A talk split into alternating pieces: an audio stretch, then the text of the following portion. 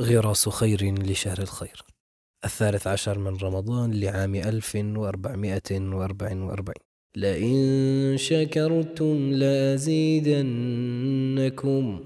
ولئن كفرتم إن عذابي لشديد. آية تحمل البشرى لكل شاكر بدوام النعمة بل بزيادتها واستمرارها.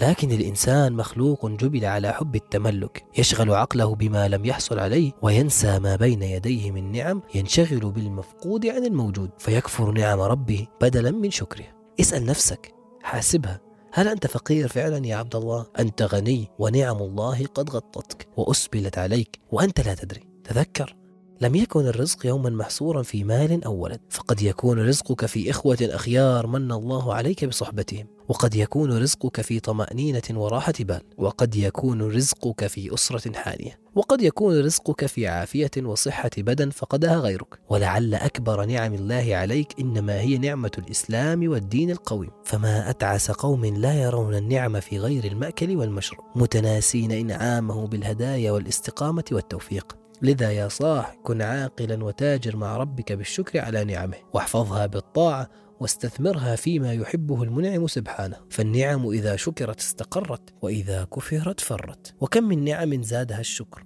وأبادها الكفر.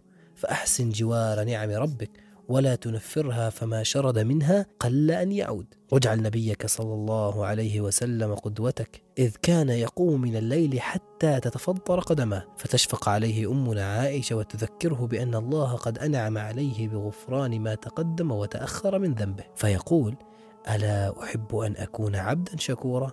هذا أوان الشكر في شهر المغفرة. فاشكر بلسانك وقلبك وكل أركانك وإياك أن تحرم نفسك نعمة بركات هذا الشهر فتكن من الخاسرين.